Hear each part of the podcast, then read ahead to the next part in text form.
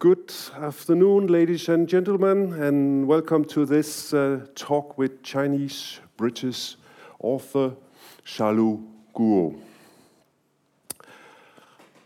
Welcome, Xiaolu.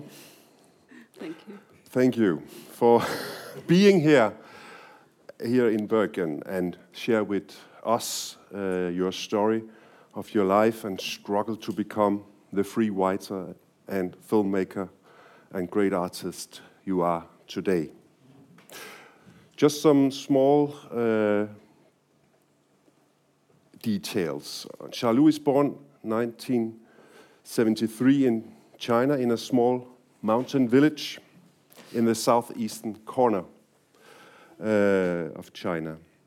She is educated from Beijing Film Academy and have done a large, large number of documentaries and feature films. And she is also the author of several fiction books like A Concise Chinese English Dictionary for Lovers, Lovers in the Age of Indifference, and I Am China. Her most recent book is Once Upon a Time in the East, and we shall focus on this book in the following uh, talk. It's a memoir book. Those among the audience who have not read the book yet, I envy you. you really have something to look forward to. When I read the book, I couldn't stop it. It's a heartbreaking, touching, beautiful, and strong portrait of an artist as a very as a girl and as a very young woman and her travel from the poorest and farthest east of China to a life as a filmmaker and writer in Beijing and later as a life in the in London um, where you live today.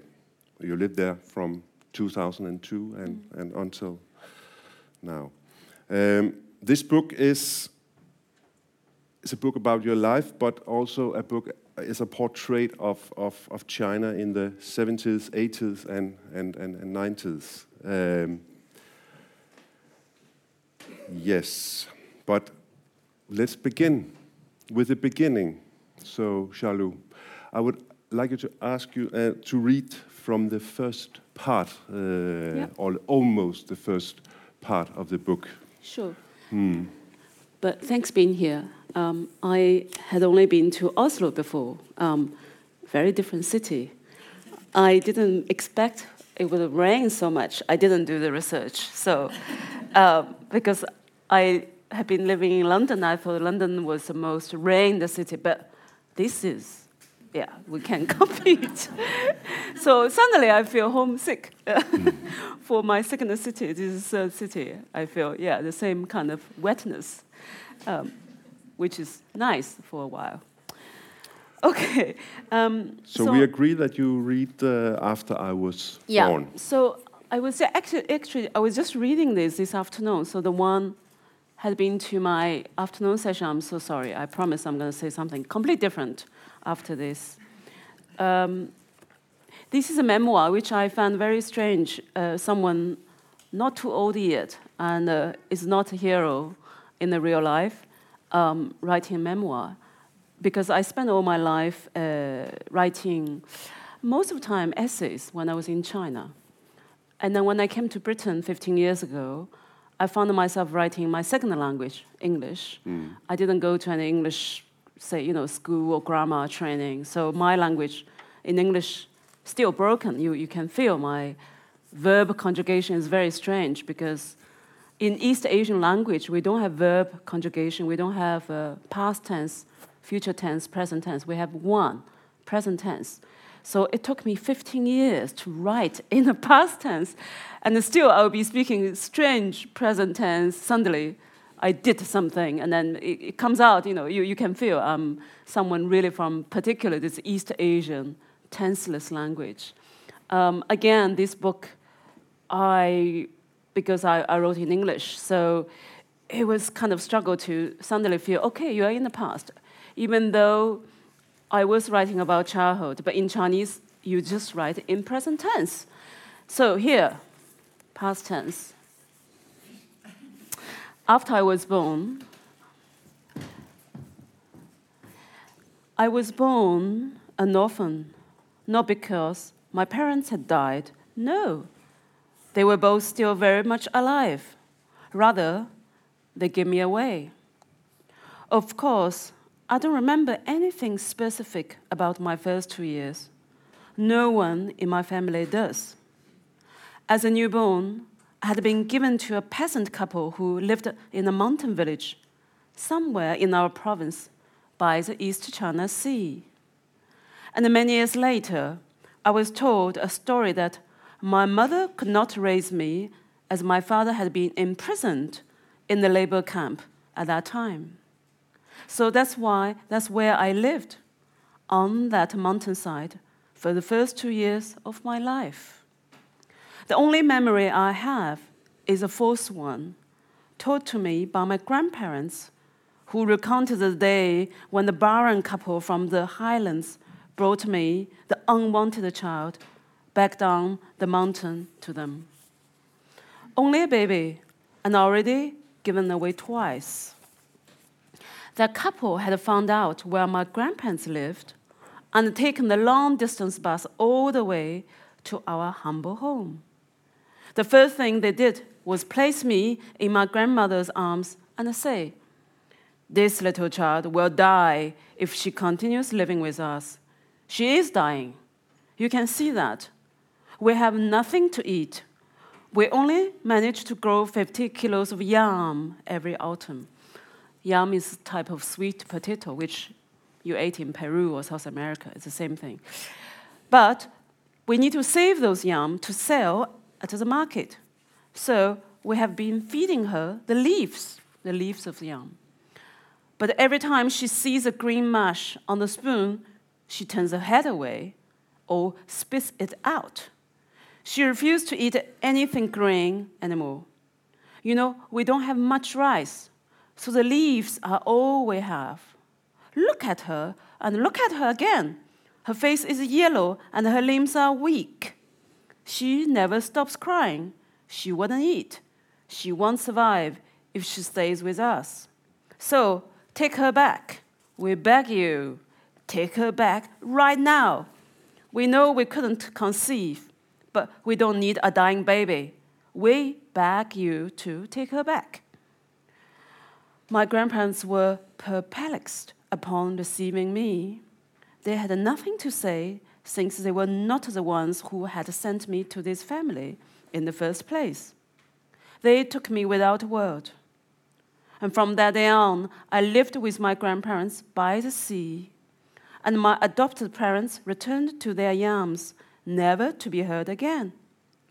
I was told later that the family bore the name Wang, that they lived on a mountain with their sweet potatoes and apparently a few goats. Since the woman was infertile, or perhaps the man was infertile, but with peasants, the woman is always to blame. She had no milk for me. I often wonder if she fed me with goat's milk, or whether their goats produced any milk at all. In China at that time, no one drank animal milk. We were all lactose intolerant. They must have fed me with soya milk before I had teeth. What else could they have done with a starving baby whose mother had decided to give her away to a family with no milk? I will never know. Years and years later, when I pored over the map of the province and tried to find the mountain village where my adopted parents might have lived, I was struck by how many there were, scattered across the country, and how many nameless places were marked only by obscure yellow and green little dots. Thousands of named hamlets and many more thousands anonymous ones. Was it called Diaotou, or Pingshan, or Youjun, or Hengshantou, or Changshi, or Shifu? I gave up. After closing the map, I was told that most of these villages had become construction sites for the expanding cities. And even the mountain had been decapitated, their peaks shaved off in order to make way for roads or quarries to provide for the country's great development. So when I think of the first two years of my life, the image that spontaneously comes to my mind is that of a small, skinny goat trotting over bare mountains. Where is all that succulent grass that will satisfy her hunger? Where is the water to quench her thirst? The mountain is naked. There were only rocks and fertilized, poisoned soil. But somehow the little goat managed to survive the impoverishment of her early life. Thanks. Thank you.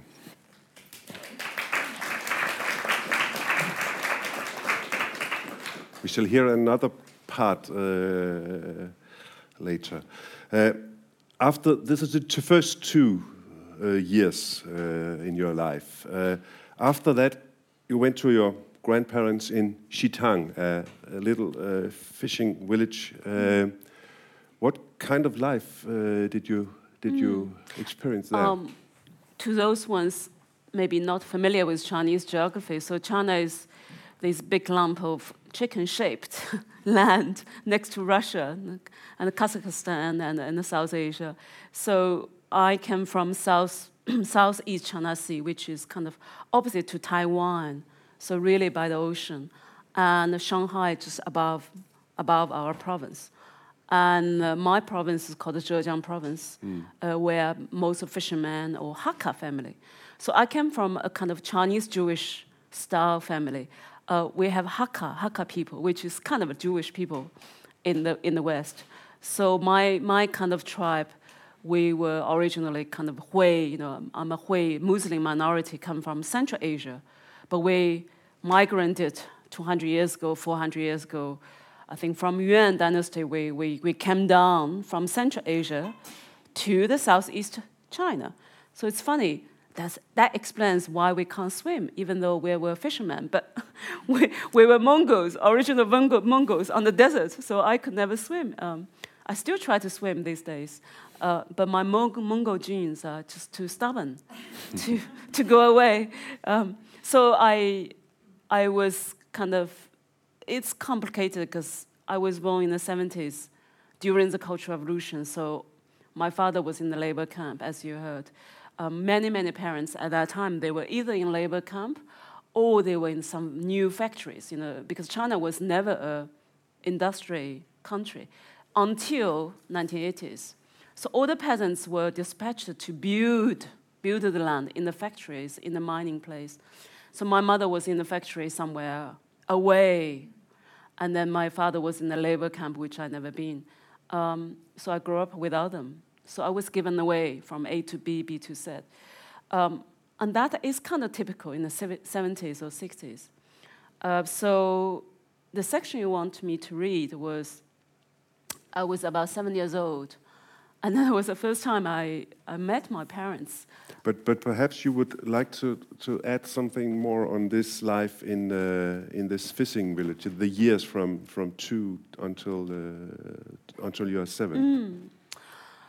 Well, I guess I think you know that the, the, the, fishing village was kind of like the cliche was like an artist, a writer must have this the source of the depression, the, the, the, you know, the, the, the misery and the depression in the, in the first place, and then that's your source of your inspiration. Uh, it, it's cliche, but cliche was always somehow true. Um, annoyingly, it's always true. Um, I hated, hated that place until I think I was 30. I, I was nearly 30 years old. I left China, came to Britain. And I think that was the moment I reflect on my early childhood. And I thought, I wrote so many books about that place I hated. But yet, you know, the, the strength and even the hatred was, was given you know, from that place. Um, but also, because all I knew was a peasant and a fisherman, and all of them were Ill illiterate. And the, the, the, village I grew up with, um, most uh, women, widows, so we're all widows. Um, they all wear black. because fishermen they died on the sea. So there's like older men they all died, and the young men they were on the sea all are dying. Um, so I grew up with my grand- grandmother who always only wear black. And um, someone was saying that sounds like a, a little village in in Naples mm. in, or in Sicily, you know, some kind of backwards, you know, some little kind of uh, poverty, you know, poor place. Um, I could only imagine, you know, maybe something similar, but I, I, for me, you know, the ideal village was never romantic or idealistic. It's always violent, bleak. Um, it, it, I think I romanticized lots of, you know, agricultural landscape, a village, but I knew um, the misery and the, the, the violence could be just uh, as, as strong or even much stronger than in the urban space because the illiteracy, because the, the lack of the, the, the, material support and the, the intellectual support, mm. or basically lack of love, the poverty of love. Um, and I think I wrote this, you know, after completely China become like a past. I could no, no longer really live there anymore. As now, as someone living in Europe, I, I can't see myself going back to truly live there. You know, I feel culturally, I feel comfortable in mm. Europe. Um, so I wrote this um, five years ago when I became 40 years old, um, when my parents were both were dying.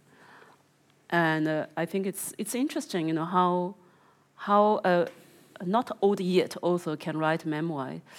I think the parents has to, you know, they, if they disappear, they died, somehow you have this complete freedom and it's unfair in a way to your, you know, to your dead families because they, they could no longer defend themselves. But on the other hand, I think it's like my only freedom. I can re- recall, you know, what, what we had in the past and what China meant to me, you know, because they died. And I think always your family is the first judgment, you know, this moral judgment and then intellectual judgment of what you are writing, morally speaking, you know, intellectually speaking, if it's fair or not. Mm. So this is a bit long-winded um, answer to your small question. Sorry. uh, do I do it or we talk? Uh, you, you will. You should read uh, uh now, or perhaps you, what, what kind of.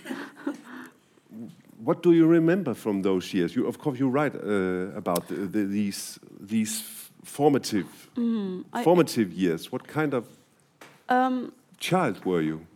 I um, because I grew up alone with, with old, these two old people, grandparents. So he was a fisherman, and then he committed suicide because of poverty, depression and poverty. And then my grandmother was this sad, hunchbacked little little woman, completely humble, self-effacing, sad, sad, kind of you know the product, the victim of the whole Confucian system. Mm. I mean, so I was not a feminist, you know, cautiously until I was becoming, you know, say 30 years old. But I think that was the, the first example how a family structure is built on top of a woman's misery. Um, I think I look at my grandmother was beaten up in front of me when I was a child. And then I, I, when I went to see my mother, she was a red guard. She also had no education at all, so she could write her own names. Mm you know, that's all. But my grandparents, they could not write their names at all. Um, and I see my mother's violence in front of people. And the, my mother was a red guard in the 1670s, which means someone 16 years old, if you're brave, you're violent, you, you, you're strong, teenager, okay, the government, you know, the Mao system will send you to beat up all the intellectuals and professors. And my mother was the one who first actually spit and beat my, my father, who was on the stage confessing his bourgeois activity mm. as a painter, and, and that's how they met. And then, and then I think they told me some years later they, they got married because that was a physical contact they first had as a man and woman.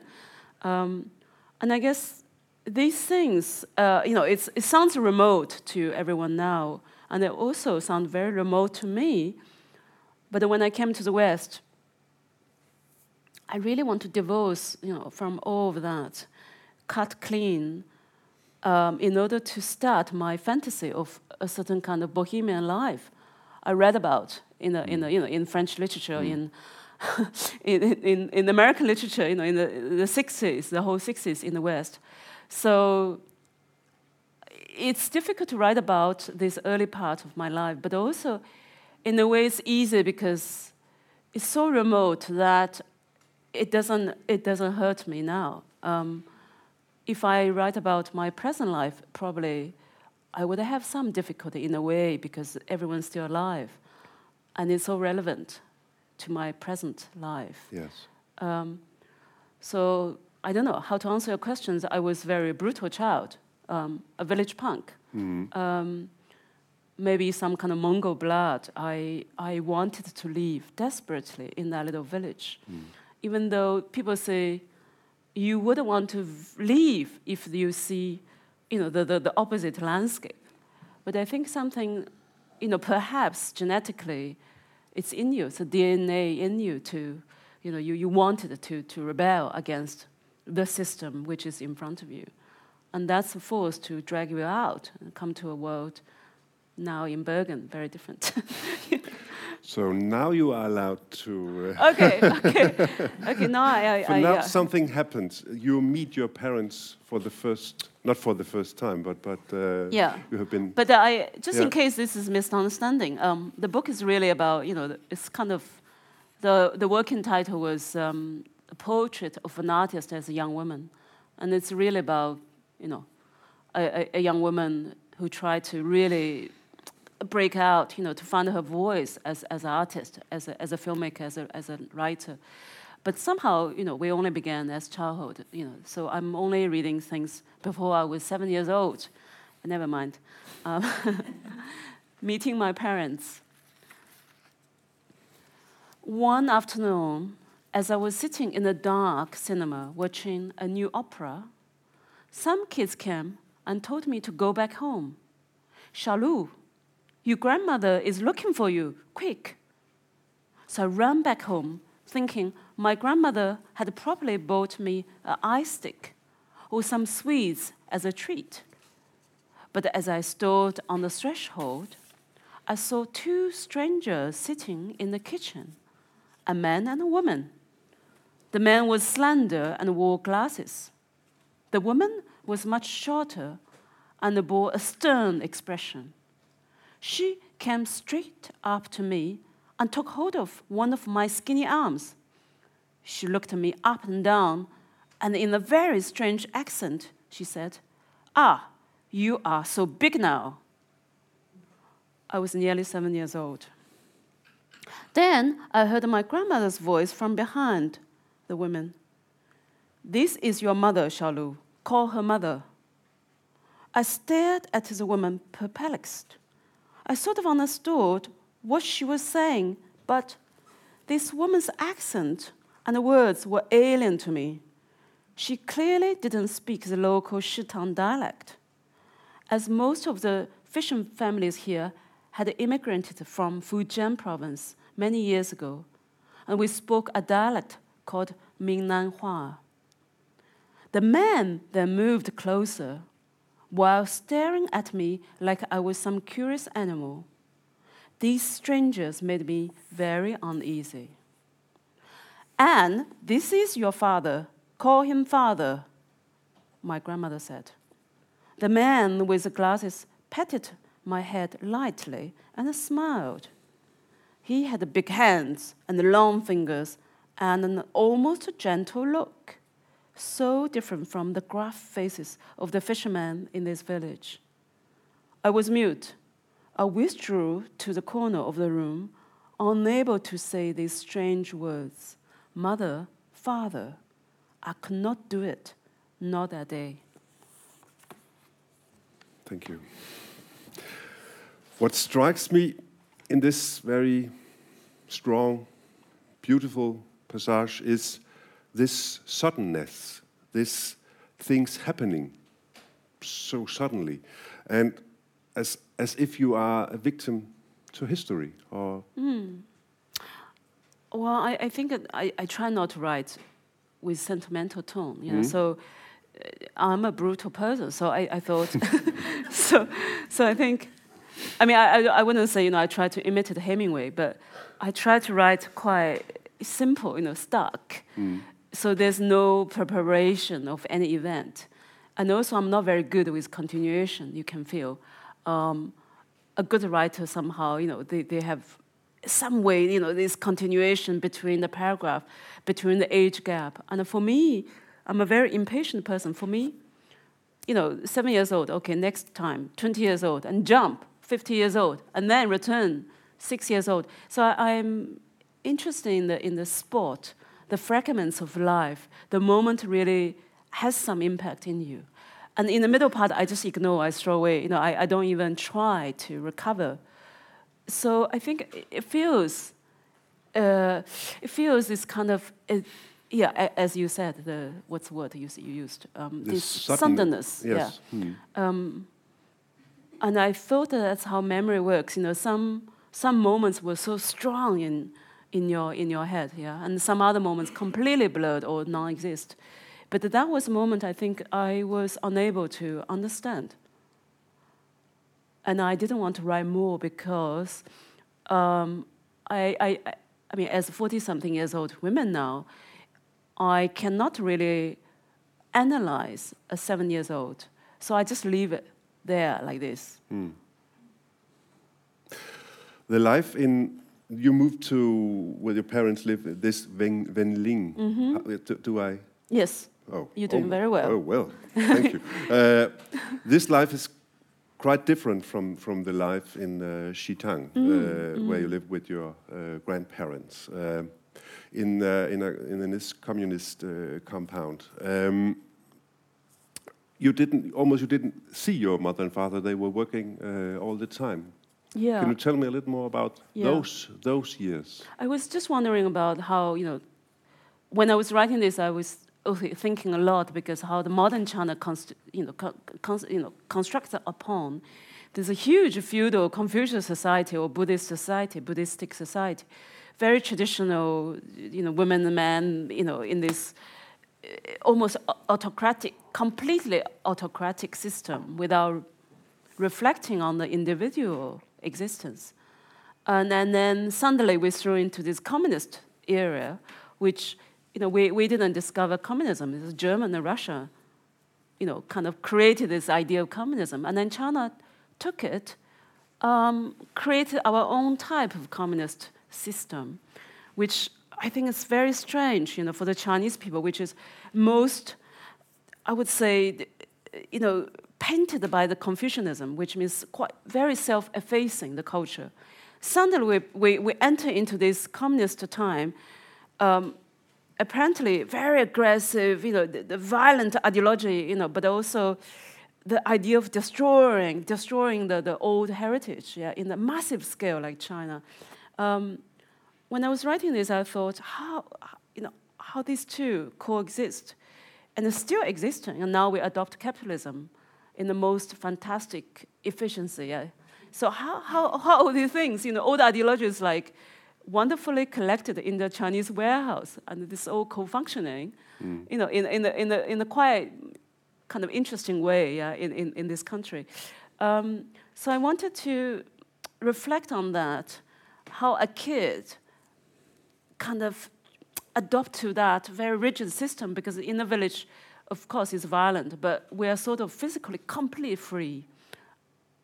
Uh, if, if not mentally free, physically free, and you get abused too. But then I was sent to this town where my primary school was. And then we live in this compound yard, something like, you know, in these streets. But we enter the compound yard, there's, there's guards and soldiers, we salute. You come back from the school and you enter, there's different streets. So you have three streets. There's a house, many, many houses, hundreds, hundreds of houses, where everybody would work in the same factory. Um, so the houses by numbers, and then you have little fields. You can still have your animals, you know, buffaloes. The buffaloes were redundant. It's no use in, in, in the urban place. But we still had them because we were peasants before. So we took all our goats and buffaloes, you know, put in this place. And I remember we had a little shops, but that's everything's enclosed in this compound yard. And for me, suddenly, I had to put on this school uniform from a street urchin to this very communistic, slogan driven environment. Um, I sort of like it. Because mm. this system, there's a sameness. Um, you know, if you were abused, but you're more or less being seen because it's, it's you know, everyone, everyone sort of being watched or equally, you know, being monitored. Um, not in a negative sense.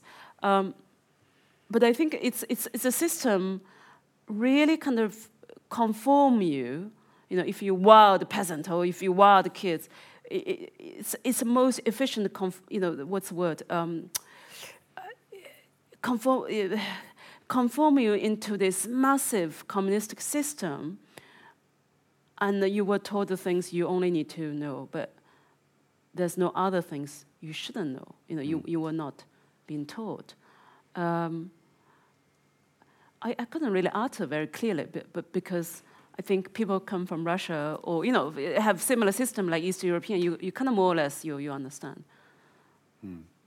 And I don't want to entirely be negative because the Western society is you know it's easy you know negative. Okay, this system okay we, we criticize, and I don't have this complete black and white vision about that system. You know I think lots of value we were taught you know within the communist system. Some are quite interesting, good values, you know. And then, of course, you know, it's, it's equally brutal compared with some other system in the West. Yeah. Mm.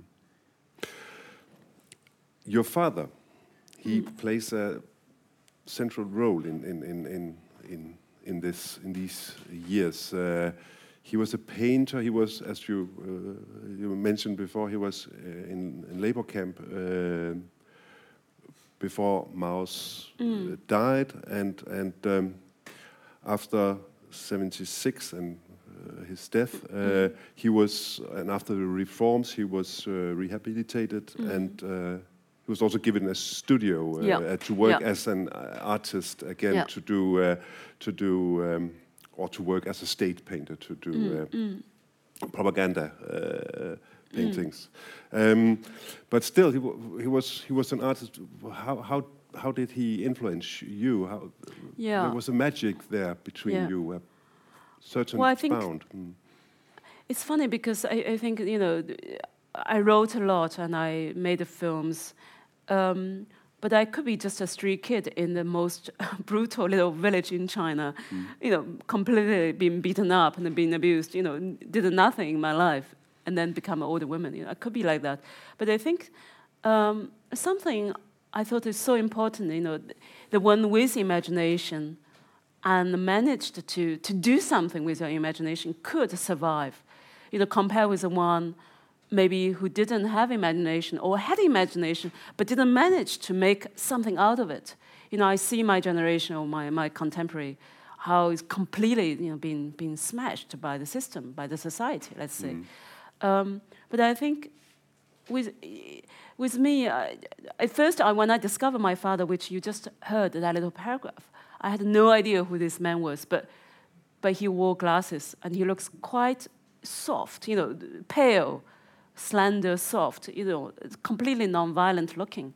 Um, and I think that was the first thing. How can be someone looking so gentle and someone else look so brutal? What is in them made them so different?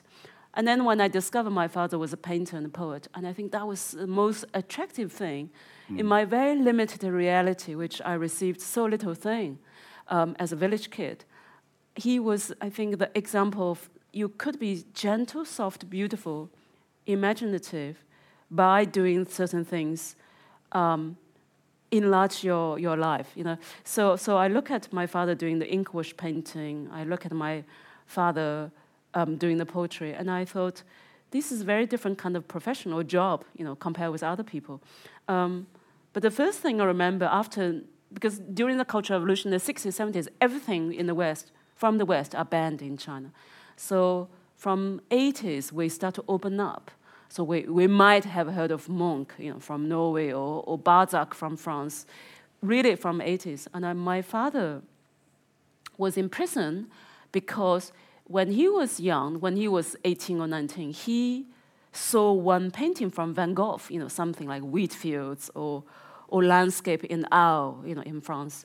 I don't know where he saw, but he said he saw Van Gogh painting. He was so, um, you know, this word, you know, 热血,热血, you know, your blood is hot. You know, saying why we in China, the communist painters had to paint the propaganda poster with soldiers saluting, Mao passing, you know, revolution scenes in, in our painting. Why couldn't we paint a landscape without human beings? What's wrong with that? And that was qualified as bourgeois painting. If you don't paint peasant or soldiers, if you only do your bourgeoisie little flower painting, go to prison, go to labor camp. Um, my father was saying he was so inspired by Van Gogh, and that was the reason he went to labor camp, because he was defending art can be pure without ideological elements. Mm. And he even wrote about it. Um, so when I was young, I didn't understand this, but I think later on, that was quite a big deal for me to understand. Oh, in the West, now some, you know, the painters can live completely for pure art. You know, I mean, I don't believe in pure art, but at that time, you know, there's some idea of pure art and the political art. Um, that was very powerful for a teenager like me. So I began to write poems.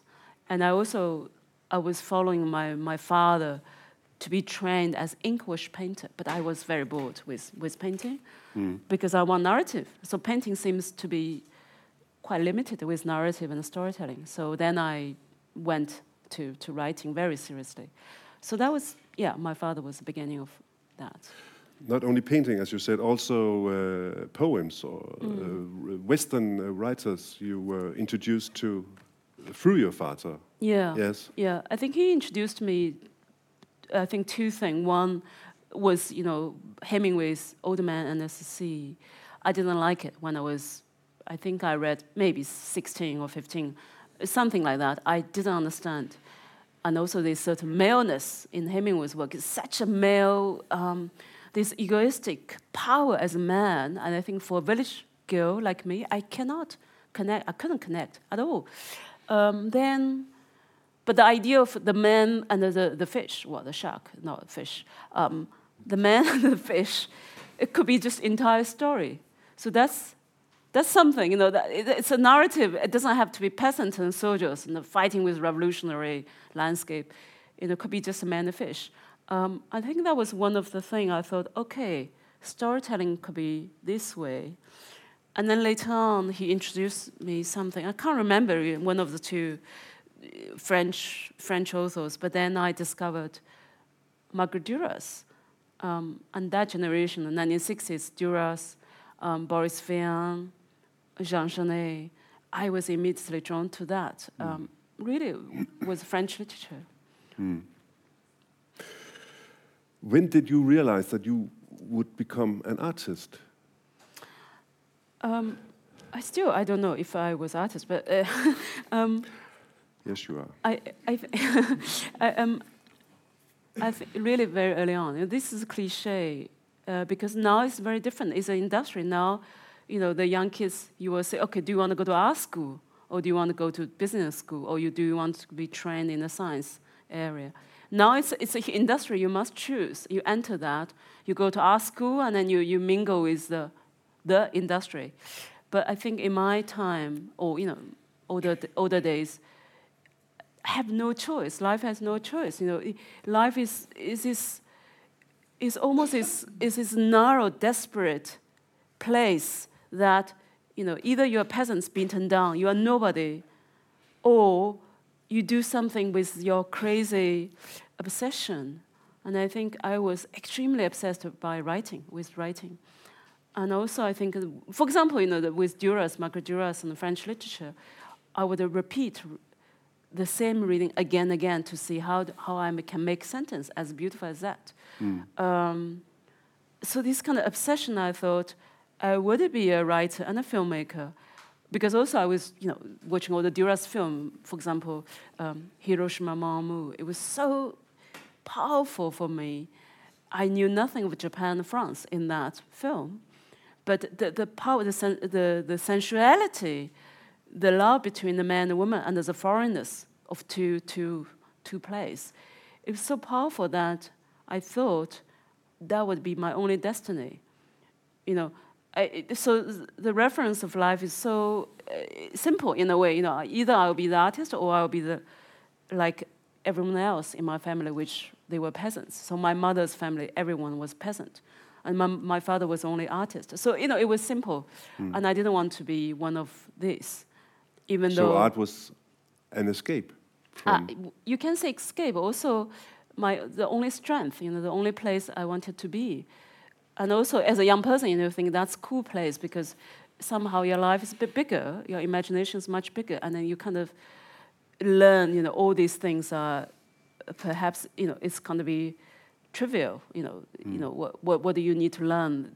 It was not my, my goal in my life. Mm. And it took me away from this, this very dire, very kind of dark family background mm. I had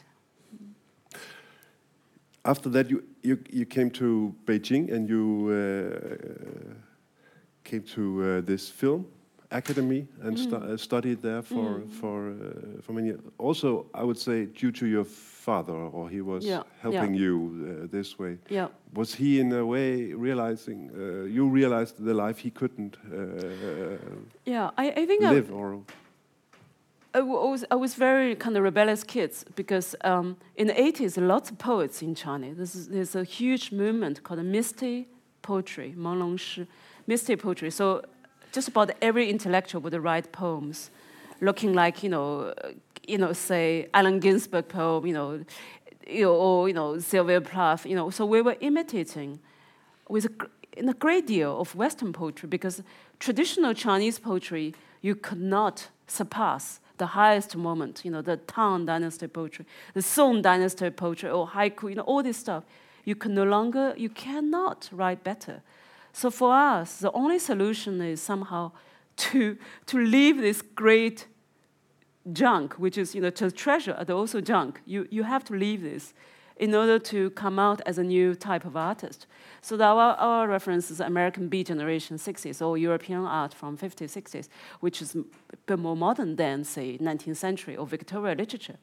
So we look at the West, you know, particular 60s art, and I, I thought I, I don't need to learn literature because this someone, you know, everyone around me was doing. Um, but no one was making film. And I think in the 90s, the, the filmmaking was very sensationally fashionable in the, in the sense of what? You can make film. How did you do that? You know so it was completely mystery um, if you can become a filmmaker. So for me that was the only thing i thought no one no one is learning. I'm going to learn to be a filmmaker. But actually i didn't care. You know i just want to to learn something artistic but beyond my, my usual, you know, my usual world, you know. If mm. it's, say, you know, UFO spaceship, something, you know, I, I would probably learn that too. Mm. And you stayed there in Beijing for uh, quite years. a lot of years, 10, 10 years. years. Yeah. But you you left. You went to you went to London in 2002. Was why did you leave? Yeah, I, I, well, China, 1993 is very. I think I wrote about. Um, if you're a Westerner, come to China or Vietnam to Japan, you know, it's immensely, perhaps either attractive or, or, or you would lo- loathe it. Um, but you know, it, you might feel very exotic. But someone like my generation, you know, were the products of really the Western influence. So, so I was not satisfied. We were learning second-hand American culture or second-hand European culture. Mm. And I was very much in love with French literature and um, European cinema, especially you know some kind of other area. For example, I was very much fascinated by Pasolini cinema, Italian realism, or or Fassbinder, you know, cinema from Fassbinder, or, or Nova Vague, you know, in the 60s, and of course Sartre, you know, the Beauvoir, the, that, that generation. Um, I thought instead of learn the second-hand translated work from the Europe, I just go there. I go there and I see what's like. And then I decide, you know, what, what kind of work I would do. Um, so that was the main reason. But on the other hand, I had published something like nine or, nine or ten books in Chinese in Beijing. Mm. I could no longer produce something say fresh and new. You know, I was 30 years old and I felt like I was 60 years old. You know, it, because of censorship or I think it's a of- combination of if I write something completely provocative or genuine, I could not publish. So I wrote something I I would be able to publish or something uh, slightly mundane, you know, less so uh, outrageous. And I knew that was not me. So even though I managed to publish all this stuff, but for me it's a second-hand living. You know, it's just uh, rated. It's it's it's it's not authentic living. So I was just fed up, and I thought I would be too old if I, I don't leave. So I was desperate to leave. And for me, it doesn't matter. You know, your question might be why London. It doesn't matter if it's Paris or Bergen, or I would come. You know, for me, Europe would Europe do. one. It would do, you know. So even though now I, I, I realize you know, completely different, you know, you know, I should have come to real Europe instead of Britain, but, but, but it was too late, you know, especially what's happening You now. didn't Oh, no, you didn't late. know at Yeah, that time what yeah, would yeah, happen. yeah, yeah. But but you choose you came to London and you adopted the English language. Uh, I didn't know what I was doing. You know, one thing I knew, I came to London. I was 30 years old. I was already old to start a new life, and I think I could not. For example, in my age, 40 something, I, I think it's very difficult to move to another continent. You know, say you know completely, say Latin American or Africa. You know, a complete different continent to start a new life again. I found it really difficult. Um, the loss, you know, you're going to create. Um, so when I came to Britain, I thought a few things I, I don't want to be. I don't want to be a cultural refugee, which means I don't have cultural identity. You know, I could work in a takeaway restaurant or you know, or some Turkish, some you know, whatever grocery shop, but I, but then that's my refugee identity. I don't have cultural identity. So it was clear for me to continue my my real identity, which is sort of artist. You know, I, I want to be a writer. I want to be artist. The only way is to just adopt any language, the language I was living, which was English. But then I didn't have patience to go to school and didn't have money to go to some any college. It was so expensive in London, so I thought, oh, it doesn't matter. I'm just going to use any broken language I had now, just to write. Um, so the first novel, if you had the chance to read, called A Concise Chinese English Dictionary for Lovers. Um, it was just from my diary. I remember I came, I was sitting in some, you know, very dark, dim lit pub, you know. Um, I was just having this little diary writing down the menus from the pub. Say, you know, fish and chips. Chip, what a brand new idea. Chips, you know, we, we, in, in China we didn't have chips, so chips, and I discover is fried, very, very fried potato. But we don't really eat much potatoes in mainland China. So, um, so that was kind of new thing. And then I was writing down, you know, say, jacket potato, this kind of stuff. You know, jacket, jacket, jacket. So it was completely exotic for me. You know, so I was writing this very mundane, trivial diary, including some very tragic you know, love affair I had. I mean, just crazy personal life I had when I came to London. I couldn't tell who is gay, who is straight. So I was, I was basically falling in love with a very gay person. So um, for me, what's the problem? You know, we, we can be together, you know, men and women. And I think this very, I had this very brutal, simplistic view about individual, um, let's say individuality or individual life. For me, I was trained in this very, you know, you know, collective mentality, and that mentality is very powerful and also violent. You know, and I, I, I, so in a way, I'm this strange peasant feminist without knowing the nuance of individual choice, and the claim I'm some kind of feminist. But it's almost opposite of that. You know, so I claim my own uh, value on top of someone who has opposite value system, and I claim no, you have to come to my value system. So that was the beginning of that novel. I, I wrote. So you used you used in a way the, the the form of the novel Yeah. to learn English. Yeah, I, I think mm, basically my diary was a conversation between me and this man. Yeah. Uh, the many arguments, very. I think, quite painful arguments about life and love. And I, I think, you know, I was young then. Um, so for me, it was personal, the idea about privacy. If you grew up in mainland China in a communist family, you know, what? Privacy? Okay, we should just uh, go our different way. You know, privacy meaning the refusal of the other, the, the resistance of being together. You know, so lots of ideas uh, which it didn't fit into my idea of love mm. or being together. And for example, the idea of um, sexuality. You know, so uh, what does it mean being bisexual? Um, so you know, I think I had this kind of quite violent idea about what's man, what's woman. You know, you can say it's very, it's kind of reductionist view about being female, being male. And all these were challenged that time, you know, when I came to Britain. And I think with this person I, I lived with, um, it was very powerful and it's painful to, to go through that understanding, you know. And I, the final result was this, this novel, uh, this, this diary. I thought there's potentiality in that diary, and I just basically, I really typed. Uh, I typed everything from that diary to the to the computer. Mm. And then I printed out and I thought this is good material. Mm. And then I basically just to clean up, you know, because in the diary form, you, you have one person. So everything, the, the, the, the other person is not really existing because the other person is only your re reflection. And in the novel form, that person has to gain its own complete space in that narrative form. And that was work I did, which only like two months I was rewriting that person but I still I refused to give the name um, because I thought that's more you know close to my original diary. And then now I, I thought that was good. I didn't make it more fictional than it's than than it's necessary. But you made the decision not to continue to write in Chinese. You can you you you you changed you switched into to to, to mm, English. Mm, mm, uh, why did you do it?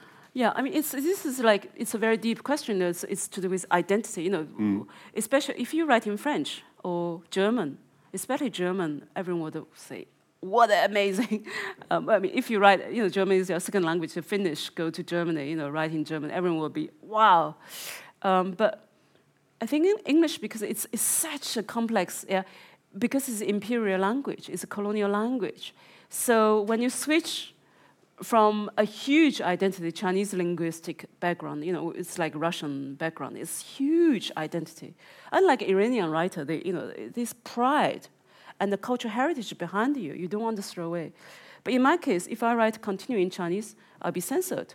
So which means I'll be continue writing in, in the forbidden language, which is Chinese, in Britain, and I will be censored back in China. No one gonna read my books in China. No one could read my books in the West. I'll be zero as a writer, non-exist. So should I be a culture martyr, or should I have continuity in my life as a writer, not as a person? I mean, as a person, I can live on the floor like refugee, but I don't want to live as a refugee. I want to live as artist. So the decision is I need to use a language which I can surpass censorship. Mm. I mean, not only political censorship, moral censorship, for example. Mm. You know, I think everyone here, if you write, you know you have to be amoral.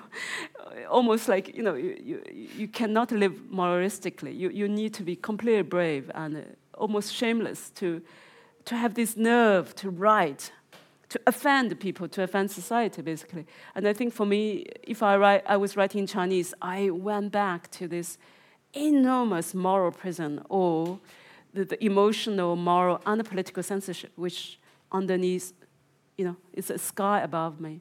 So switch to a language I had no understanding of, but I had this huge freedom in, the, in this limitation. Yes, freedom, so, but, but you never felt that you were cutting off uh, the roots? Uh, um, no, I used my roots. So, mm. for example, the first two novels, it's really strange English, you know, so, so it's Chinese grammar, it's, everything's present tense and I play with it.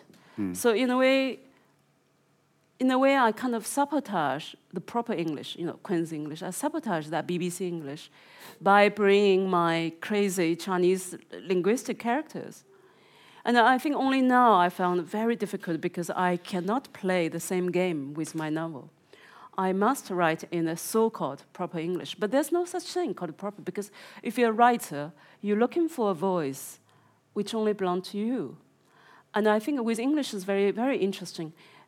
As a, can this imperial language inclusive, or is it exclusive? The answer is it can be completely inclusive. Uh, for example, the Jamaican English, Patois English, Indian English, you know, the mm. Canadian type of English, or Australia, you know, Australia type of English, um, or let's say, you know, American English or, or, you know, Black African English is so different. Yeah, the Queen's English is is one is one tiny little thing, and also the colonial history brought this it's amazing diversity of that language. So English become, you know, let's say, has different dialect or accent. Mm. And I think, you know, those stuff I, I read, which I loved, it's always written from non-native English writers. Um, for example, you know, in, in London, there's a patois poet called uh, Linton, Linton Kwesi Johnson. He's a patois poet. So he, he writes in this Jamaican type of English. You know, thing is ding. Um, so, so, you know, if you listen to Bob Marley, you know what I mean. Um, so that type of English immediately give you this character and a signature as different type of writer. And I think once you realize that, you're no longer worried about the idea, the traditional idea of identity or roots, because you know you can bring in your roots and this hybrid voice. You know, you have some kind of hybridity in your writing. You can use it.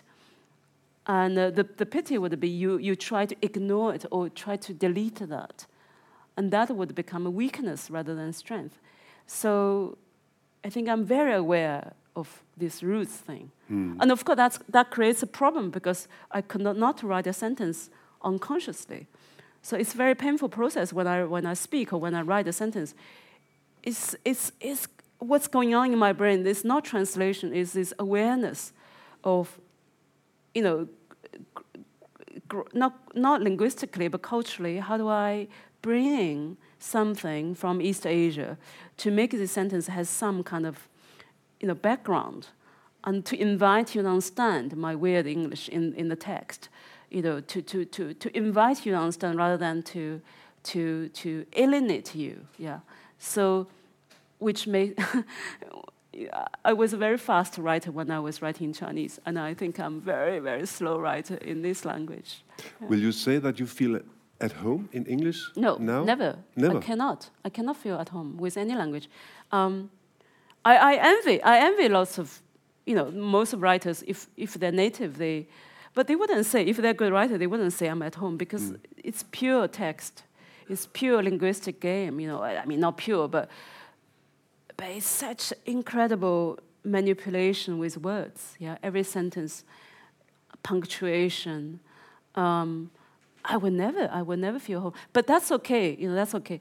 Um, you know, I think lots of people write, when you read a book, you know, I think you read very different things. Um, I guess, um, say, if I, you know, I read most of, most of my life, I, I read translated French or German literature. But I didn't feel I was reading translation. I felt I was reading a certain energy um, in that author's life, which I wanted to be part of. So, say I was reading, say, you know, Jean-Paul Sartre or in English translation. Um, for me, it's, it's a spirit. The text permeate, you know, the, the reflection of the spirit. And I think that spirit is something I want to learn, maybe not necessarily linguistically, mm. you know. And for example, the German literature, you know, the German literature is long sentence, so long-winded.